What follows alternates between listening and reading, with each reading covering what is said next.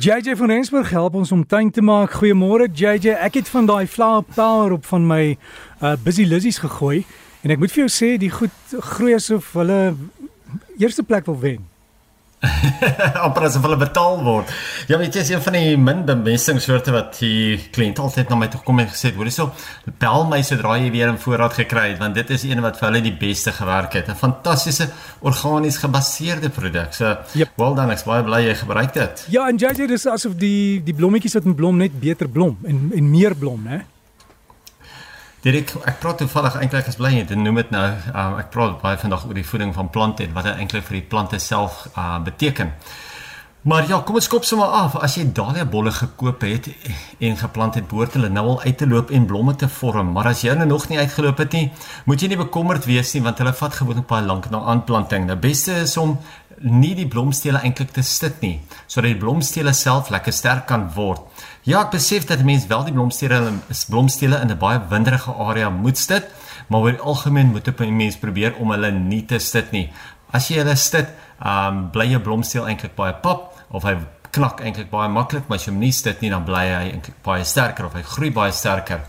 Mens moet ook nie te veel water gee nie, veral ook nie in die aand nie, nie op jou dahlias nie. Hulle is bolplante, hulle wil nie water in die aand hê nie. Dahlias is geneig om baie maklik poeieragtige meelde op die blare te kry en dit is so wit poeier wat op die blare self gaan lê. En dit is gewoonlik die, die laer blare wat op die grond lê of naby die grond is wat eintlik die poeieragtige meelde hoër op op die plant self ook dan versprei. So gepraat van die poeieragtige meelde en die swamme wat mense op jou blare kry. As mens kyk vir al jou tomaties, ek het weer eens in die week die vraag gehad oor tomaties. 'n Mens moet gereeld jou onderste blare van die tomaties afbreek om daai swamme te keer om op die plant self te klim. As jy mens die onderste sê 4 stelle blare afbreek, 'n kaal stammetjie onder het, dan gaan jy nie so maklik swam siektes op jou tomatieblare kry nie. So breek dit maar af, die plant het daai paar blaartjies nie nodig nie. Met so baie plante en veral ons rose wat nou so pragtig blom, is dit baie belangrik dat ons gereeld ons plante kos gee. Nou ons moet 'n kunsmis hoog in kalium gebruik soos byvoorbeeld jou 315, jou 815 of die flower power waarvan jy net nou gepraat het. Onthou die enigste manier hoe daai kunsmis tot onder by die wortels kom is natuurlik met water. So as jy wil voer en reën nie in jou omgewing nie, moet jy eenvoudig nat maak, so maklik soos dit. Gooi genoeg water om die voedingsstowwe af na die wortels toe te vervoer, maar moet ook nie uh in dieselfde asem wil ek sê moenie te veel water gee nie. Moenie die plante oorbenat nie want onthou plante wil nie in water staan nie en plante in potte wat baie gereeld eintlik te veel nat gegooi word, se nutriënte loog eenvoudig onder by die pot uit.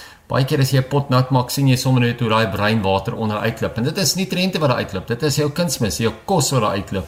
So gooi nat, maar moenie liters water onder laat uitloop en al die voedingswaardes saam met dit laat uitwas nie. Hier's 'n interessante een, jy waterlelies behoort ook nou vol in blom te wees. En as dit nie in blom is nie, is dit tyd dat jy dit voer. Nou waterlelies floreer op voeding en blom baie sleg as jy dit nie voer nie. Dit is altyd 'n baie moeilike een om te voer, want hoe voer mense jou waterlelies as jy 'n dam vol visse byvoorbeeld het of as jy nou nie jou um natuurlewe wil uh wanbalans gee nie. Nou ja, mens kan gewone kunsmis wel gebruik om dit te voer, maar jy moet dit reg doen om nie die alge te voer nie. Nou daar's twee maniere om dit te doen. Eerstens kan jy die plante as dit in potte is versigtig uithaal en die kunsmis in die grond indruk en weer grond bo oor vasdruk om te keer dat die kunsmis net net eenvoudig ons rondryf. Die tweede manier is 'n bietjie meer ingewikkeld maar werk net so goed. Nou hierso gebruik 'n mens, jy kan dit doen as die plante in potte is of nie in potte is nie. Die hele gedagte hierso is om 'n pypie te gebruik wat aan die een kant oop is en aan die ander kant toe is, amper soos 'n dun buis. Maak die pypie vol kunsmis en druk die oop kant dan natuurlik in die grond. Uh hierso kan 'n mens selfs ietsie soos 'n kookiepen gebruik waarvan jy dan die skryfkant afgesaag het sodat jy die agterste gedeelte daai pypie gedeelte kan gebruik vol kunsmis maak en hom dan in die grond indruk. Natuurlik gaan jy net jou duim of so voor dit hou totdat hy in die grond is totdat jy hom kon indruk en dan gaan hy net keer dat al die balletjies oral of al die kunsmiskorreltjies oral in die water ronddryf. So voer jy waterlelies, jy sal sommer sien as jy jou waterplante en veral jou waterlelies kan voer, gaan hulle twee keer soveel blom. Vandag is ons plant van die week, een van die kleurvolle, meerjarige kleiner plante wat my regtig beïndruk het oor die laaste jaar of 2 en dit is die Bidens of Bidens, so dit genoem word. Nou die bekendste ene volgens my is die geel Bidens maar daar's 'n nuwe variëteit en dit is 'n roomkleurige ene en dit is die Biden's Spicy Electric White.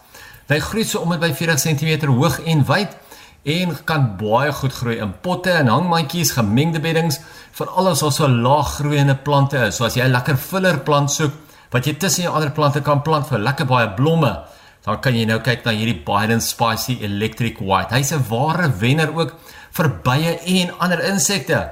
So, ek weet ons wil natuurlik altyd ietsie plant om die insekte en die bye na ons tuine toe te lok en bietjie uh te kom bestuif. Nou hierdie is die regte plant om te plant. Gekry vir jou sommer vandag van die Biden's variëteit, maar vra vir hulle of hulle die nuwe Spicy Electric White het. Dis hom net nie. Kry die gewone geel ene, hy blom net so baie. Ek hou maar net van die witte want dis nou weer 'n nuwe variëteit, nuwe kleur wat uit is.